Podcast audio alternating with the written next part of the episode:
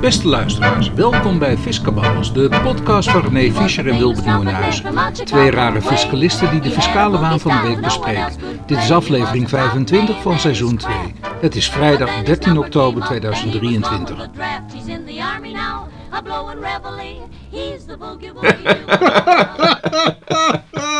Ja, ja, ja. Ja, zal ik toch even dat verhaal nog vertellen eh, over uh, vorige week, uh, Wilbert. Dat ik toch uh, iemand aan de lijn had gekregen vanwege een doorverwijzing. Oh ja. En, ja, ja, en dat was toch van een nog best wel redelijk groot accountants- en adviseurskantoor. Oh, wat leuk. Ja, ja, was erg leuk. En vervolgens, ja, René Fischer, ja. Maar je ben je toch ook degene van Fisca Bubbles? ja. ja, daar moest ik toch wel om lachen. Wilbert, daar heb ik echt Oh, wel... ja, dat vond ik erg leuk. Ja. hey, dan gaan we beginnen met, eh, met de eerste, Financieel Dagblad. kabinet blijft kritisch over belaste Moet inkoop jij, niet, eh, moet jij niet eerst even een uh, inhoud oh ja, ik, ik moet natuurlijk... Ja, ik weet het Oh, niet. dat ik, heb ik natuurlijk weer kijk, niet ik goed ben van de- voorbereid. Ik ben niet van de plug G. Ja, Van nou, de we, gaan- we gaan even natuurlijk weer de politieke waanzin eh, eh, doornemen. Waanzin maak ik nu. Waan van, van de week Nou, natuurlijk. het is ook waanzin. Het is toch waanzin, kom op. Eh, ik bedoel, er zitten van allerlei. ze praten over fiscaliteit in de Tweede Kamer. Nou, dat gaat hartstikke fout allemaal. We gaan het even hebben over het CPP, CPB. conclusies die getrokken zijn. Nou, kun je het nodig over afvragen. Ehm, we gaan het hebben over een kennisstandpunt in zaken BH's. nou, dat is toch een heel belangrijk ik wist onderwerp. dat je deze eruit zou halen. ik wist. Ik denk, oh mijn god, ja. Ja. Ik, ik, ik kon het ook niet laten om het niet te doen. hè. Ja, we gaan het hebben over een hospice en BTW, maar dat is een beetje... En natuurlijk, eh, ja, eh, een ambi-stichting, een islamitische ambi-stichting die eh, onder de loep is genomen, waarvan je wat kunt denken. Ehm, ja, en, en, en de, gewoon de, de, de procedures over proceskostenvergoeding, et cetera, daar gaan we nog ook na, na- naar kijken. Voor de rest, ja, leuk, interessant, maar dat gaan we horen, toch? Zeker, zeker. Dat gaan we. Dus we beginnen even bij het begin. En gaan we weer. Het kabinet blijft kritisch over belaste inkoop aandelen. En we zien er natuurlijk eh, Van Rij. eh, die zit nogal een beetje te glimlachen natuurlijk een beetje. Ik denk dat hij al uitkijkt waarschijnlijk. Ik weet het, het zal wel een, een, een, een oude foto zijn hoor. Maar hij zit een beetje te glimlachen. Eh, hij vindt het wel interessant wat daar gebeurt. Ik denk dat hij al aan de Caribbean denkt, waar hij naartoe gaat. En we zien eh, mevrouw Kaag, die er helemaal niks van snapt. eh, die ook de handen in de haar heeft. En eh, denkt, ja, wat doe ik hier? Ja, het is een artikel uit het Financieel Dagblad. met de kop, ja, dus, dus kritisch over de inkoop aandelen. En nou ja, het is een wetsvoorstel hè, ter dekking van uitgaven die moeten worden gedaan. Dus pak het eh, bij, eh, bij deze beursgenoteerde vennootschappen en laat het doorvloeien naar eh, ja, burgers die het nodig hebben. Mhm.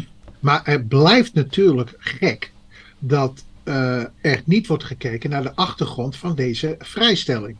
En bovendien is het zo dat je dus door dat, want namelijk kennelijk vindt de Tweede Kamer vindt dat echt noodzakelijk dat dit gebeurt. Mhm.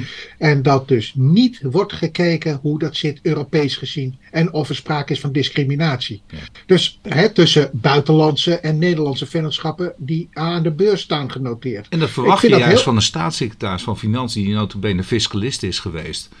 Want ik, ik zal maar zeggen geweest. En eh, dat, dat, dat hij dat niet gaat vertellen. Dat, dat, dat, dat verwacht je dan toch? Nee, dat verwacht je niet. Kijk, en we, we hebben het box 3 drama al gehad. Ja. En daar, daar is hij echt ten volle verantwoordelijk voor. Ja. En, en vervolgens krijg je dit. Want namelijk in zijn periode had hij het ook kunnen zeggen van... Nou, die herstelwet gaan we toch anders doen. Of Ja. weet ik veel wat. Maar, maar dit ook, die inkoop aandelen. Ja, het is zo makkelijk ook om het te omzeilen. Dus dan wordt dan ook weer een begroting aangehangen. Waarvan je denkt van... Nou, dan gaan we toch niet inkopen, zeggen ze dan. Ja. Nou, weet je, eh, eh, en, en dan krijg je je geld ook niet. Nee. Dus dat is ook nog eens een keer de andere kant van de Ja, medaille. dus je gaat Want iets je- doen waarvan je denkt dat moet een budgettaire opbrengst op gaan leveren. En dan gaat het helemaal niet opleveren. Nee, En dat, dat Nee. voel je aan je klompen aan dat dat gaat gebeuren. ja. Ja, Ja, we beginnen ik zie alleen maar... Ja, we, nou ja, kijk, weet je... Maar oké, Het is- e- e- even terug. Ehm, eh, Van Rij die moet dat uitvoeren. Want het zijn moties natuurlijk die in de Kamer eh, zijn genomen, toch?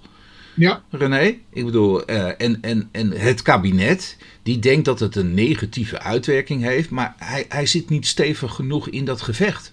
Daar komt Nee. het op neer. Nee, Het lijkt wel alsof hij niet meer weet hoe dat precies zit. Uh, Dat hij zijn Ja, maar daarnaast, fiscaliteitsachtergrond ja, maar totaal daarnaast heeft hij. verloren ja, is. Maar Wilbert, even ter verdediging. Of, eh, Er wordt, bijna geen verdediging, er wordt bijna geen verdediging gevoerd. Nou, dat bedoel ik. Hij heeft een ambtenarenapparaat. Er zal toch wel iemand in dat apparaat. In dat Nou, daar begin ik zo langzamerhand eh, af te vragen. Die zegt van, nou Van Rij, het werkt zo. En je moet opletten. A, discriminatie. Ja. B, Europees. eh, Weet je, Ja, maar ja, ik weet ook niet meer wat je hierop moet zeggen. Het CPB, Nou, ja, eh, titel luidt, Financieel Dagblad by the way.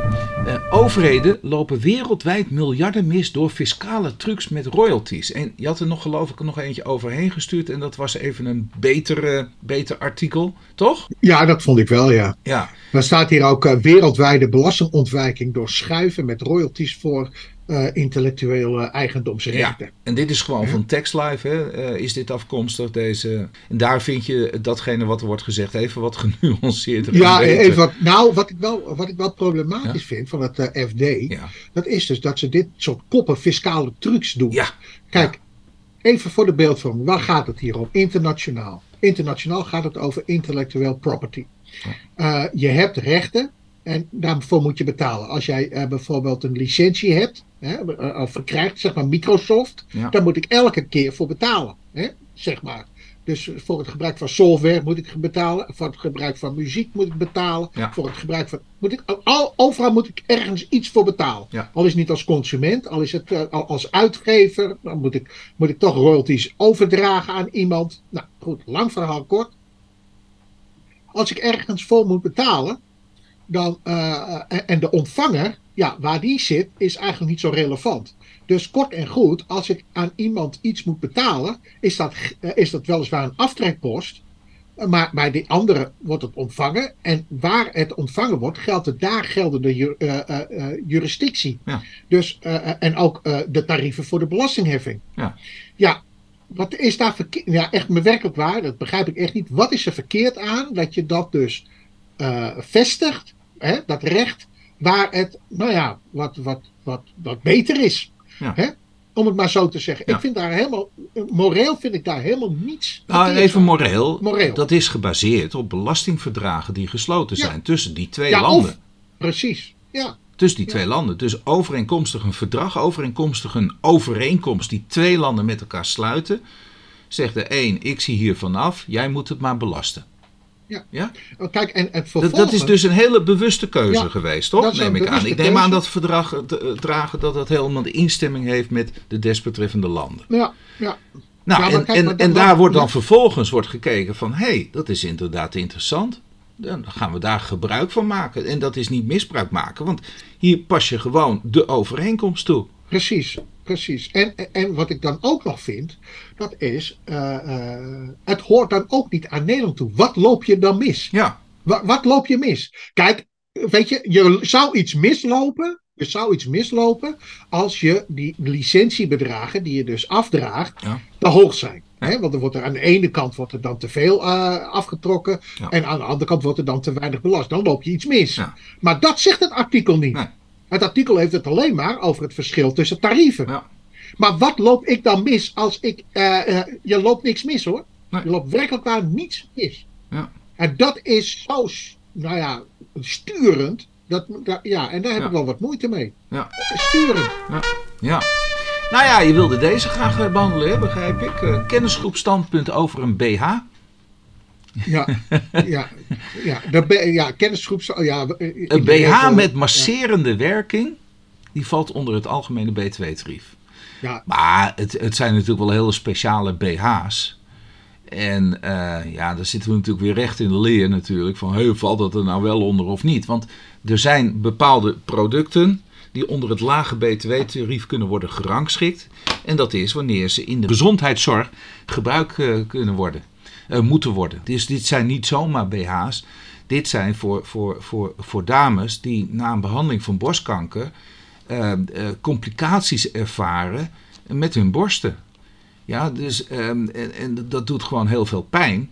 En dus hebben ze een masserende BH daarvoor uitgevonden. Die natuurlijk in allemaal verschillende maten. Want ja, dat vind ik dus ook. Hè. Ja, er zijn allemaal standaard maten worden nu inderdaad aangeleverd. Dat vinden ze dus van belang om te zeggen dus dat het niet zo'n speciaal verbandmiddel kan zijn in de zin van die post A8. Ja, precies dat dus. Ja, ja en, en ze vinden het dus ook niet uh, orthopedisch omdat het namelijk niet specifiek op maat is vervaardigd voor een individueel persoon. Ja. Maar het is wat onsympathiek ook. Hè? Het is heel eh, onsympathiek. En, ik, ik, en dat zie je steeds vaker, dat vind ik hoor. Dat de Belastingdienst, wanneer ze maar de mogelijkheid krijgen, het is, het is altijd trappen op de rem. En nooit eens een keer meedenken. Ja? Ja, en zelfs... je zou toch denken dat met een, met, met, als je taalkundig behendig bent, kom je hier ook wel uit om zeg maar, die vrouwen die dus in nood zijn, ja. dit, dit eh, hè, wat namelijk uh, ja, toch een uh, bij, wat, ja, ik weet ook niet of dit vergoed wordt of niet. Daar, daar, ga ik ook helemaal niet over. Dat weet ik niet. Maar het lijkt mij toch dat dat zo'n product behulpzaam is in het draaglijk maken van, uh, van wat je hebt meegemaakt. En dan vervolgens krijg je uh, ja, de discussie over hoog of laag tarief. Ja. Terwijl het toch ook van alles valt te zeggen dat het gewoon een, een medische hulpmiddel is. Want namelijk. De, deze, draag je niet voor de, deze draag je niet voor de lol, nee. Nee, maar ook over dat er diverse maten standaardmaten zijn. Kennelijk is dat zo van doorslaggevende betekenis. Terwijl als ik verband of iets dergelijks haal, of oordoppen of weet ik veel wat. Ja, ik weet niet in wat voor tarief dat dan weer valt. Maar dat zijn toch ook uh, soms universele. Maar kennelijk is het dan zo. Oh ja, over die oordoppen, dat was mijn vergelijking ook. als ik dan oordoppen laat aanmeten, dan is het wel op maat gemaakt. Dan zou dat dus onder, de, onder het lage tarief vallen. Maar als ik een standaard ding neem, dan is het dus uh, klaar. Dan moet ik het hoge tarief betalen. Ja, ongetwijfeld zullen deze BH's die zullen wel worden vergoed inderdaad door de verzekeringsmaatschappij. Maar daarom juist, want de verzekeringsmaatschappij kan de BTW niet in aftrek brengen. En dat betekent dus dat weer een, een, een eh, verhoging zal betekent, betekenen voor, voor je verzekeringspremie. Ja, Althans, dat heeft een kostprijsverhogende werking op de verzekering natuurlijk die ja. afgesloten. En, en over hoeveel gaat dit dan, deze uh, eh, BH? Het gaat over, uh, dit gaat over vermoedelijk ook drie keer niks. Want ik bedoel, dit, ik kan me niet voorstellen. Dit, dit zijn niet BH's die, die je met plezier draagt. Ja? Dat lijkt mij niet. En natuurlijk, het gaat om, om, om, om, om uh, misschien wel best wel veel, een grote omzet natuurlijk, maar dan mag je toch best wel eens een keertje Doe nou eens, denk nou eens mee. Denk nou eens, je zou bijna zeggen, hanteer nou eens een keer de menselijke maat, jongens. Dat als er een gaatje is en het gaat om dit soort situaties, denk dan eens een keer mee met. Nou, dat is wel een goed doel. Kunnen we wel best wel eens een keer ondersteunen. Want zou hier nou echt, echt een precedentwerking van uitgaan? Ik denk van niet. Dat als je deze BH er wel onder zou rangschikken, dat je dan opeens bang bent dat alle BH's eronder komen. Ja, ja dat, dat, dat zit er gewoon niet in. Nee, dat denk ik ook niet. Ja. We gaan naar de volgende, want we hebben er al veel te veel over geluld, over de BH. Uiteraard zal het plaatje van de BH natuurlijk tevoorschijn eh, komen. Dat, zul jij begrijpen wel, René. Dat... Ja, een spannend plaatje. oh, oké. Oh, ja, ik, ja, uh, ik, ik, dat, ik, dat, vermoed ik. Ik, dat ik, uh, ik, ik zal uh, een spannend plaatje gaan zoeken. spannend plaatje, ja. Oké, dan gaat het uh, geen BTW-aftrek voor de bouw van een low-care hospice. Ondanks het loskoppelen van de verpleegkundige zorg. Nou, ze waren inderdaad wel creatief met boekhouden. Hè, dus dat ze inderdaad. Nou, met, uh, met de interpretatie van uh, wat men wil. Ja, ja, ja. ja. Maar ehm, het Hof Den Haag, die, en dat is het Hof Den Haag van 10 mei 2023, BK 2200770 en nog een paar nummers erbij. Uh, die heeft dus geoordeeld dat de rechtbank het goed heeft gedaan. En, en die komt dus tot de conclusie dat deze stichting, die dus een hospice uh, exploiteert. Ja, exploiteert is een moeilijk woord, maar vind ik in dit geval. Maar die een hospice heeft. Um, dat die uh, niet in, in, in aanmerking komt voor aftrek, omdat haar diensten vrijgesteld zijn. Daar zit wat in. Er zit wat in. Dat is wel juist, want als je in een hospice wordt opgenomen, dan zit er ook wat zorg bij. En ehm, dan, dan, dan ehm, is die zorg, dan zou je kunnen zeggen, dit is toch wel een soort van verzorgingsterhuis, uh, waarbij dat wel een belangrijk element is. Iemand is in, in zijn laatste levensdagen aangekomen en dat, dat vergt de nodige gezondheidskundige begeleiding. Uh, en dat is, daarvoor zit je juist daar in zo'n hospice. Um, Ja, en, en die prestaties zijn vrijgesteld. Nou, dat is dan vervelend natuurlijk op het moment dat je de nodige investering moet doen. Dan heb je geen aftrek. En deze, hebben deze stichting die heeft geprobeerd om te zeggen van ja, maar wij doen niet de verzorging. De verzorging moet je ervan afsplitsen. Ja, en dan heb je enkel maar dat je een kamer huurt. Maar ja, dan heb je ook wel weer dan heb je een kamerhuur. En voor normaal gesproken, als je een kamer huurt, dan is het vrijgesteld van BTW. Ja, maar zeggen ze dan weer, ja, maar het is wel meer dan huur alleen. Ja, en, en, en nou, nou gaat het natuurlijk helemaal manken. Ja. Dus, dus... Ja, ze proberen eigenlijk te hinken op twee gedachten. Ja. Kijk, eh, in de kern komt het erop neer. Ik, heb, uh, ik bouw iets en ik heb BTW uh, ja. voordruk. En die voordruk wil ik in aanmerking nemen. Ja. En uh, eigenlijk probeer ik uh, via uh, kortstondig verblijf, of eigenlijk proberen ze op basis van dat in het kader van het vakantiebestedingsbedrijf, om het maar zo ja. te zeggen, ja. zo had ik het begrepen, ja. toch onder die, onder die regeling te vallen. dus laag btw-tarief voor de verhuur en btw-aftrek voor. van, van, de, van de in aanmerking genomen kosten. Ja. Ja, maar daar steekt uh, Hof Den Haag toch wel een stokje voor. Ja. En wat jij dus ook al zegt, uh, ze gaan toch uh, meer kijken naar, naar de prestatie zelf en ja. van de inhoud daarvan. En eigenlijk de hoofdkern is ja. zorg en niet iets anders. Want anders ga je niet naar een hospice. Ehm, ik, ik, denk wel een juiste beslissing van, van het Hof Den Haag. Volgende is onrechtmatig boekenonderzoek bij Islamitische Ambi-stichting. Ja, René, even kijken hoor. Rechtbank Den Haag, 8 augustus 2023. Nummertje SGR 21, schrap 3306. Ja, ja zoals ik dit heb begrepen, ja. uh, het gaat om een uh, ambi-status. Uh, de kop van het artikel luidt ook uh, onrechtmatig boekenonderzoek bij Islamitische Ambi-stichting. Ja. Het gaat om in dit geval rechtbank Den Haag oordeelt dat de Belastingdienst zich specifiek richt op giften aan moskeeën en andere islamitische instellingen en dat deze als een frauderisico wordt gezien. Vanwege deze risicoselectie worden de bevindingen van het boekenonderzoek genegeerd. Hmm. En eigenlijk houdt dat dus in dat. Nou ja, goed, als het boekenonderzoek, de bevindingen daarvan niet mogen worden gebruikt, ja, dan blijft er niks meer over. Ja. Dus dat blijft een ambi-instelling. Daar ja. komt het eigenlijk kortweg op neer. Maar het onderzoek zelf, daar zit toch ook wel wat in dat ik denk van, ja, waar, waarom pak je het zo aan? Dat was eigenlijk mijn vraag. Ja, ja. En dat volgt eigenlijk ook uit uh, de uitspraak van rechtbank Den Haag. En, uh, nou ja, eigenlijk, uh, het gaat als volgt. Stichting X heeft, is als moskee, die is al vanaf 1 januari 2008 heeft die de ambi-status verkregen in verband met een derde onderzoek zijn ze gevraagd hoe zij de contante giften verwerken. Nadat iemand in de IB-sfeer dit had afgetrokken. Oh. De ambistatus van X is na een daaropvolgend boekenonderzoek in 2018 met terugwerkende kracht, luisteren, hè, in terugwerkende kracht, tot 2008 ingetrokken. Nou, dat is raar. Ja, dat is ook ja, absurd ook. Maar goed, ik stelt dat het boekenonderzoek is ingesteld vanwege haar islamitische achtergrond en dat de inspecteur misbruik maakt van zijn controlebevoegdheden. Nou ja, weet je, daar heb ik ook alweer wat moeite mee. Meteen mm. die kaart trekken. Ja.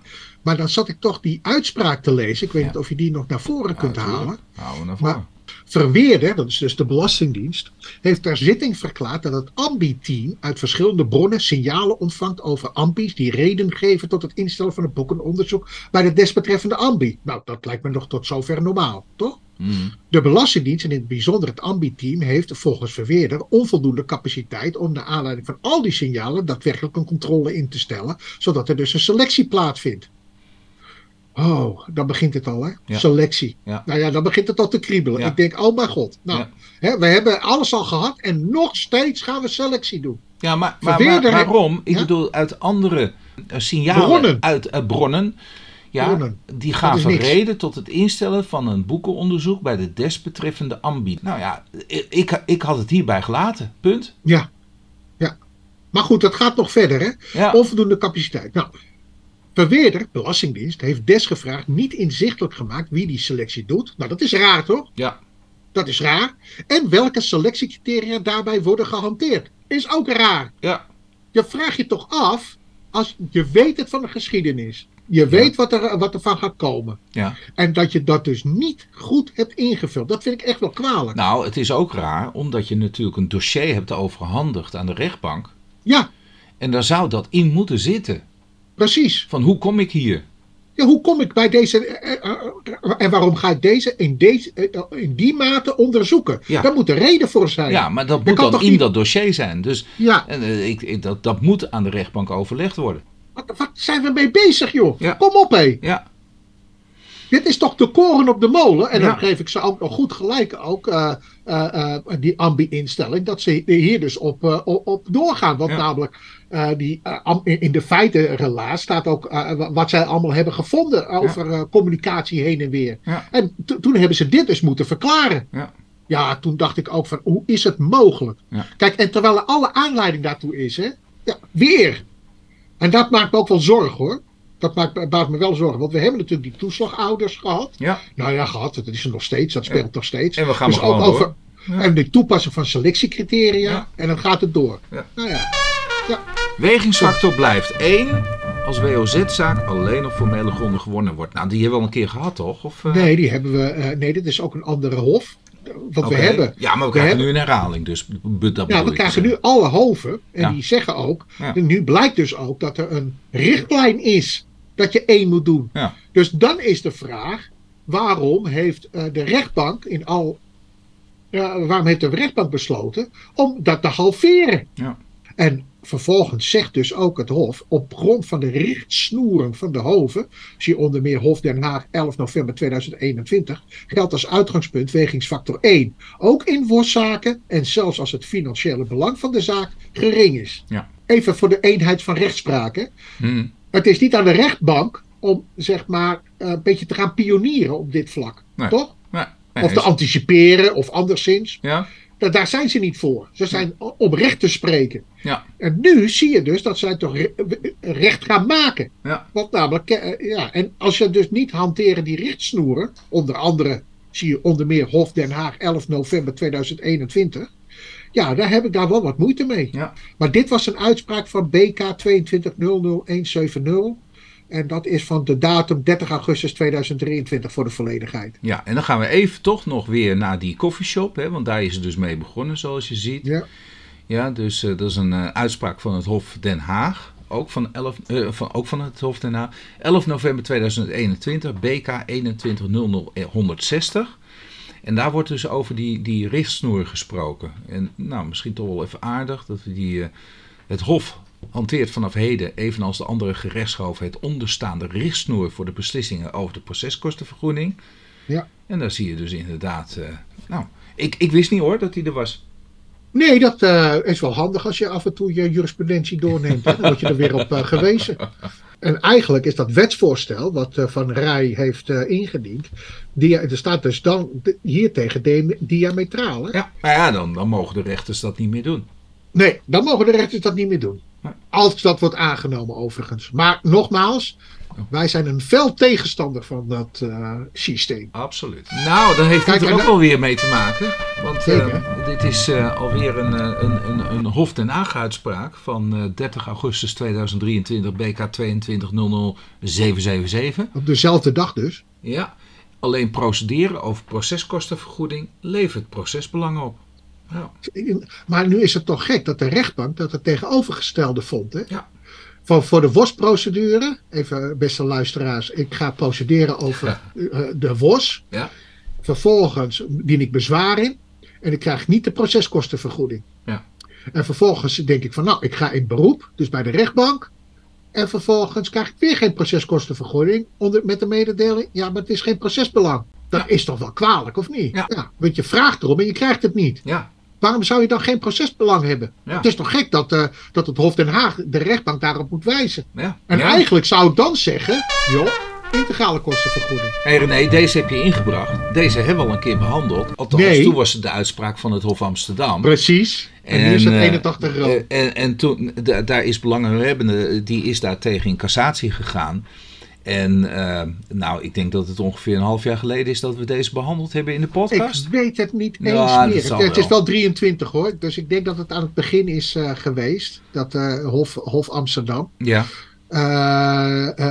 Maar, het grappige de is dat deze dus ook nog eens keer in, Ja. in- in- bij de Hoge Raad is. dus dan is natuurlijk mijn vraag, why? Waarom?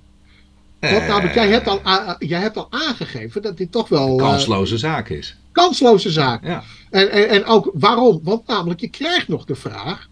eh, en zo direct zullen we eh, de inhoud van de, eh, van, de, van de casus bespreken. Maar er blijft de vraag. Joh, maar wil je dan ook die BTW afdragen over de verkoop van die boot? Ja, ja, ja, ja, ja. Maar oké, Dat eh, de luisteraar weet nog niet eens waar het over gaat, joh. Nee, dat weet ik niet. Renovatie en verkoop boot leidt niet tot BTW-ondernemerschap. Ja. Dat eh, betreft een eh, eh, uitspraak van Hof. Nee, van de Hoge Raad. Nee, Hoge Raad, god zo. De, zaak nummer 23, eh, schrap eh, 01545. Eh, het is een 81 lid 1 RO.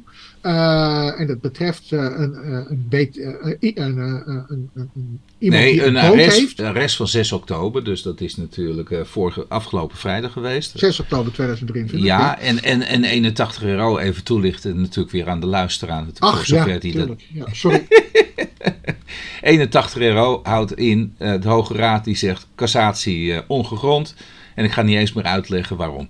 Want het is eh, heel goed gedaan door het Hof van Amsterdam. Die heeft een goede, eh, eh, Goeie, goeie. overweging heeft hij eraan Ja, ten grondslag valt niks aan toe te voegen. Valt niks aan toe te voegen. Dat is gewoon goed. En deze zaak, die hebben we natuurlijk, nou, ongeveer denk ik een half jaar geleden. Daarom is nu ook zo snel, hè. Die 81 eurotjes, als het echt een kansloze zaak is, die worden vrij snel uitgesproken. Ook dan ongeveer een halfjaartje. Eh is het echt een, een principiële zaak? Is het echt een goede vraag? Ja, ook al, ook al verlies je wellicht de zaak in, in, in cassatie. Dan doet de Hoge Raad dat niet af met een 81 euro. En dan duurt het wel iets van twee jaar voordat de Hoge Raad de arrest wijst. Maar deze hebben we al uit, uitgebreid besproken. Want deze man die had al, al, al, al in, in. Nou, die, wanneer Ja, het gaat om een booteigenaar die Ja. eh, op een gegeven moment ging klussen aan zijn boot en vervolgens de, Nou ja, de maar eerst even voordruk terug. en aftrek wilde brengen. Wa- Wanneer kocht hij die boot? In 1994. Ja? Ja. En vervolgens was hij dus van plan om dat, die boot blijkbaar te renoveren. Nou, daar heeft die man die heeft er eh, dus 30 jaar over gedaan. Nou, oké, iets minder dan, maar 30 jaar over gedaan. En, en, en vervolgens zegt hij tijdens de rit dat hij helemaal op het einde dan daadwerkelijk die kosten gaat maken in 2013 tot en met 2015. Ja, dan vraagt hij die BTW terug in zijn aangifte. En dan zegt hij ja, want ik was van plan om die boot te gaan verkopen. Ja, en, en dan, ja, dan moet je dan ook over die verkoop BTW afdragen. Nou, dat, dat, dat vertelt het hele verhaal niet. Nee, Nou, Hof Amsterdam die zegt, joh, dit is gewoon een hobby. Dit is gewoon van jou in privé. Dit heeft helemaal niks met, met zakelijke doeleinden te maken. En, en die overweegt dat heel goed. Dus het is een hele keurige feitelijke uitspraak van het Hof Amsterdam. Ja. Als je hier tegen in cassatie gaat, ja, dan word je afgeschoten. Want je, je hebt hier... Wat, wat moet je hier nou aan juridisch argument van... Ja, je moet... Het enige wat je dus kunt doen, dat is dat het hofoordeel onbegrijpelijk is. Maar ja, het was hartstikke begrijpelijk was- opgebouwd. ja. Dus da- dan ga je het niet meer redden. nee, nee. Nee. Maar ik wilde En het de toch even... zat Dan is dit in. verhaaltje rond, hè? Voor onze, Ja, nu is, voor, het- nu is het verhaaltje rond. ja, ook voor onze podcast. Want Ja. we hebben dit behandeld en Ja. eh, eh, Hoge Raad heeft, in, eh, Ja. heeft besloten. Nou, dan is dit de laatste. Ja, en soms wel een interessante eigenlijk. Ja, het heeft op zich niet zoveel met BTW te maken, maar het is ook meer formeel belastingrecht. Sanctie na niet melden betalingsonmacht bij BTW-schulden, strijdig met EU-evenredigheidsbeginsel. Nou, eh, Ja. de Hoge Raad heeft prejudiciële vragen hierover gesteld aan het Hof EU, want het betreft natuurlijk een BTW-zaak, dat geldt Europees belastingrecht. En eh, de Hoge Raad die, die vraagt zich af, inderdaad, en ik denk wel heel erg terecht natuurlijk, hoe, hoe zit dat nou eigenlijk? Kan dat Europees rechtelijk gezien wel? Nou, eh, René, als het Europees rechtelijk niet eh, kan, hè, dus stel dat het Hof van Justitie zegt dit is niet mogelijk, ja, dan neem ik aan dat het ook consequenties gaat hebben voor andere belastingen, toch? Zo, sowieso, ja, dat lijkt me wel. Dat- Dat, lijkt me Ja, wel. ook al is dat dus- niet gebaseerd op. Maar even, even eh, eh, wat- wat zijn die prejudiciële vragen? Waar zien die op? De Hoge Raad vraagt zich af of de moeilijke bewijspositie van een belastingplichtige ten aanzien van de bestuurdersaansprakelijkheid van btw-schulden in strijd is met EU-evenredigheidsbeginsel. En Ja. de onderliggende kwestie is dat er sprake is van belastingschulden, in dit geval btw-belastingschulden, door, een, eh, eh, eh, door een besloten vennootschap. Die besloten vennootschap die gaat failliet. En, maar in Maar die BV toen- zitten ja. uiteraard schulden. Ja. En in die schulden worden niet tijdig gemeld. En door die niet tijdige melding kom je in een haast onmogelijke bewijspositie te verkeren. Ja. Maar die schulden zijn dus niet gemeld. Ja. En daar gaat het om. En daarom worden ze aansprakelijk gesteld, hè? de directeur Ja. grote aandeelhouder, want dan ontstaat die bestuurdersaansprakelijkheid, eh, toch? Eh, die, Ja. die ontstaat daardoor, omdat je dat niet tijdig hebt gemeld, want je moet meteen de betalingsonmacht moet je melden. Ja. Nou, en, Nou ja, en, en, dan, dan komt maar dat dus wordt niet, niet gemeld door de BV, hè? De BV die inmiddels in handen is van een ander, hè? Ja. Ja? Ja. En dan pakken ze terug op die eerdere aandeelhouder. Want daar komt Ja. het op neer. Nou, dan word je het natuurlijk wel heel. Als, als het, kijk, tenzij het een vooropgezet spelletje is geweest, natuurlijk. Dat, dat, ja, dat weet ik natuurlijk ook niet. Dat Kun je zou ook. niet uit maar- afleiden. Nee, maar of het nou wel of niet een spelletje is geweest, dat weet ik niet. Of een opzet of een ops- opzetje of anderszins, dat maakt niet uit.